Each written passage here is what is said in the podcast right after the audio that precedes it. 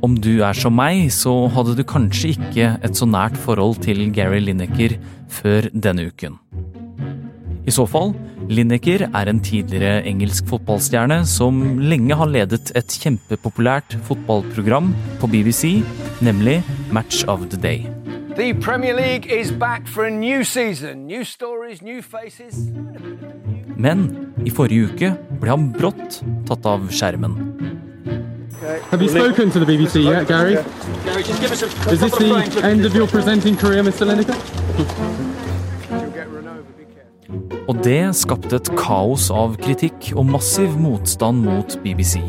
The Match of the Day presenter was taken off air after criticising the British government's asylum. Lineker var kritisk i en Twitter-melding hvor han sammenlignet britiske myndigheters asylpolitikk. Days on from Gary Lineker's suspension by the BBC, the ripples are getting bigger.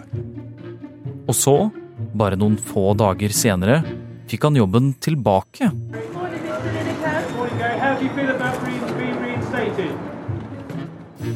Og bak alt dette ligger en historie om kulturkrig, politisk press og et BBC i trøbbel. Du hører på Forklart fra Aftenposten. I dag er det torsdag 16. mars, og mitt navn er Philip A. Johannesborg. Jakob Semb Åsmundsen, du er kulturjournalist her i Aftenposten. Hva skjedde da Gary Lineker mistet jobben? Altså, Ifølge BBC så var grunnen at Lineker hadde brutt kanalens retningslinjer. Som mange mediehus, og særlig da rikskringkastere, så har BBC strenge regler eh, som skal sikre kanalens uavhengighet. Og ansatte i BBC skal blant annet passe seg for å uttale seg politisk i sosiale medier. Og det gjorde altså Lineker, og det i en tweet om et nytt lovforslag fra den sittende konservative regjeringen. Eh, Det var et lovforslag som handler om britenes innvandringspolitikk. That is why today we are introducing legislation to make clear. Dette lovforslaget kommer etter en lang rekke problemer som britene strever med etter brexit. Og en viktig del av dette handler om migranter. For det kommer en god del av dem over den engelske kanalen.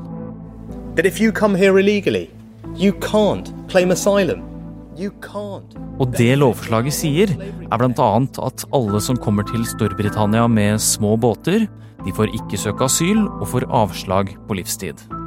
You can't make spurious human rights claims. And you can't stay. We will detain those who come here illegally and then remove them in weeks. Og det var altså dette lovforslaget her som fikk klinikker til å reagere. Eh, Men det kom ikke som en overraskelse på altfor mange, fordi eh, Lineker er ganske kjent for å vise sitt engasjement i sosiale medier, og særlig da sin kritikk av det konservative partiet. I fjor fikk han faktisk refs av BBC på en tweet som kritiserte daværende utenriksminister Liz Truss. Og nå, nå fyrte han seg altså opp igjen. Og hva skrev Lineker da? Lineker retvitret en video av innenriksminister Suella Braverman som forklarer dette nye lovforslaget, Eh, og han skrev at forslaget er et ondt forslag som rammer de mest sårbare, og at språket regjeringen bruker ikke er ulikt det tyskerne brukte på 1930-tallet. Og dette skapte et voldsomt rabalder. to compare legislation that seeks to stop illegal migration to people being gassed in chambers because that's what 19 that's what 1930s it's- Germany led to so we need to be really we- careful about language No, I just- let- no, on let- let's.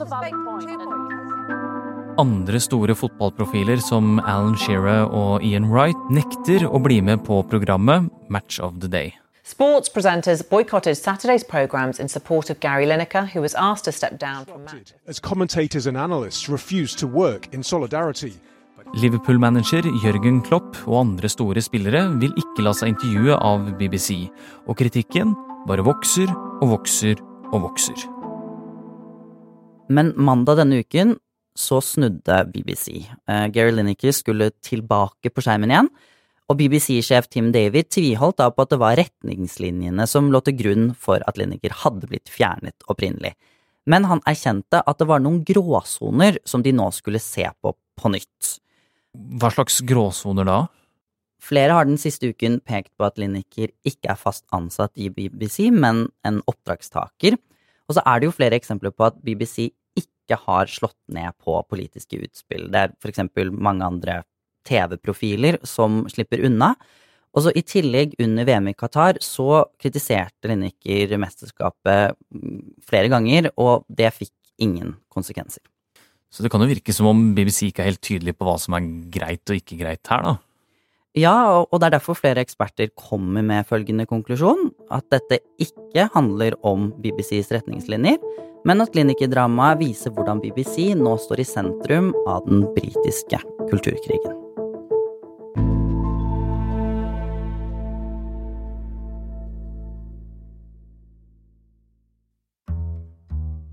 The central thing that people want to know is that you know there isn't any kind of political agenda in the way the BBC goes about its business, which I'm not saying there is, but that is the confidence people need to have. Flere mener at BBCs beslutninger i denne saken handler om én ting. De ser seg selv som veldig presset, og vil for enhver pris unngå å fremstå politisk venstrevridd. Og dette presset det har vokst seg større over tid, og det har rot i en eh, utbredt idé i Storbritannia, altså at BBC er ute av takt med det britiske folkedypet. Hvordan da? Tanken er at eh, folk i Storbritannia er eh, mer konservative og høyreorienterte, for eksempel at de er mer kritiske til innvandring, og at BBC på sin side er mer venstrevridde. Og denne tanken fikk særlig stor oppslutning under BBCs dekning av brexit og regjeringsperioden til Boris Johnson. Og det er eh, gjerne konservative politikere og høyreorienterte medier som fremmer dette bildet av BBC, og da særlig de Rupert Murdoch-eide avisene The Sun og The Times. Og de har fått flere anledninger til å hakke på BBC de siste årene. Blant annet ble det trøbbel da det ble kjent at den skeive organisasjonen Stonewall skulle gjennomføre mangfoldstrening hos BBC, et samarbeid som ble avsluttet etter at kritikken kom.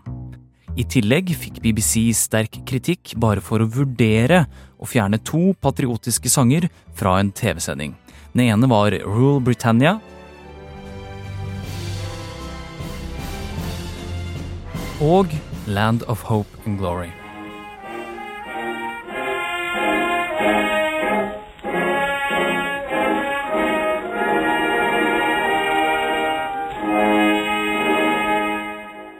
Grunnen til at BBC-ledelsen nå tar denne kritikken svært seriøst, er at kanalen på et vis er avhengig av politisk støtte. Og konservative politikere de truer nå med å fjerne kanalens lisensfinansiering. Som rikskringkaster så blir BBC finansiert litt på samme måte som NRK. Folket er med på å spleise, og politikerne avgjør hvor mye penger kanalen skal få. I stedet for å bli finansiert gjennom skatt, som her hjemme, så får britene en regning i posten hvert år. Og dersom staten bestemmer seg for å slutte å sende ut den regningen, så betyr det enorme kutt for BBC. BBC-sjef Tim Davis' fremste prosjekt har derfor de siste årene vært å sikre kanalens legitimitet, som egentlig i denne sammenhengen vil si å unngå å provosere de konservative. Så da Gary Lineker, som representerte BBC, gikk hardt ut mot den konservative regjeringen, havnet han midt oppi denne knipa. Og nå føler altså BBC seg presset fra flere sider. I denne debatten så har flere også vært opptatt av bindinger mellom BBC-ledelsen og det konservative partiet. Det er sånn at eh, styremedlemmene i BBC utnevnes etter forslag fra den britiske regjeringen, som det heter, og flere av de mektigste i det nåværende styret har en historie i det konservative partiet, eksempel BBC-sjefen selv. Og et annet eksempel er styrelederen i BBC, Richard Sharp. Sharp Han var rådgiver for Boris Johnson da Johnson var borgermester i London, og i ettertid skal Sharp ha hjulpet Boris Johnson med et lån på mer enn 10 millioner kroner. Og det skal ha skjedd rett før Sharp ble anbefalt som styreleder i BBC. Tory MPs and Tory ministers said, nothing to see here, that's totally fine. And yet, when a football commentator uh, dares to disagree Det pågår nå en granskning gransking av Sharp, men flere på venstresiden har jo reagert på hvor lite oppmerksomhet dette har fått i forhold til det store dramaet rundt Linekers tweet. Uh, they say they believe in free speech when they agree with what someone says, but it's all about impartiality. I et intervju med BBC så sier BBC-sjefen Tim Davy at det var riktig å ta Gary Lineker av skjermen. It's been tough to get the balance right. But asking Gary Lineker to step aside, I think was appropriate at that moment. Og dermed står altså BBC i midten og får kjeft både fra høyre og venstresiden i politikken i Storbritannia.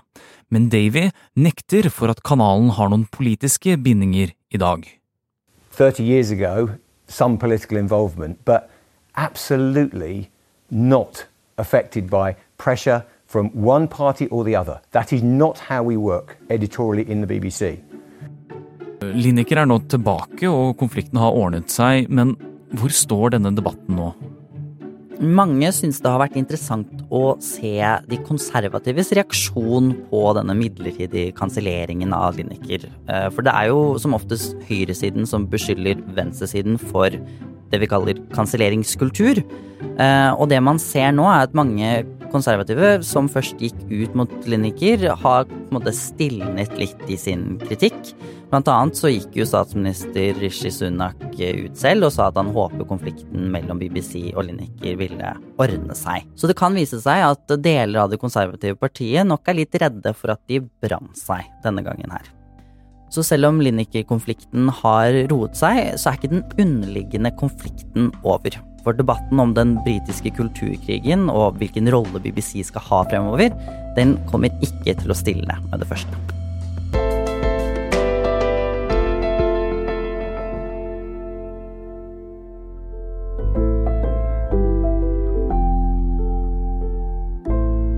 Du har nå hørt en podkast fra Aftenposten.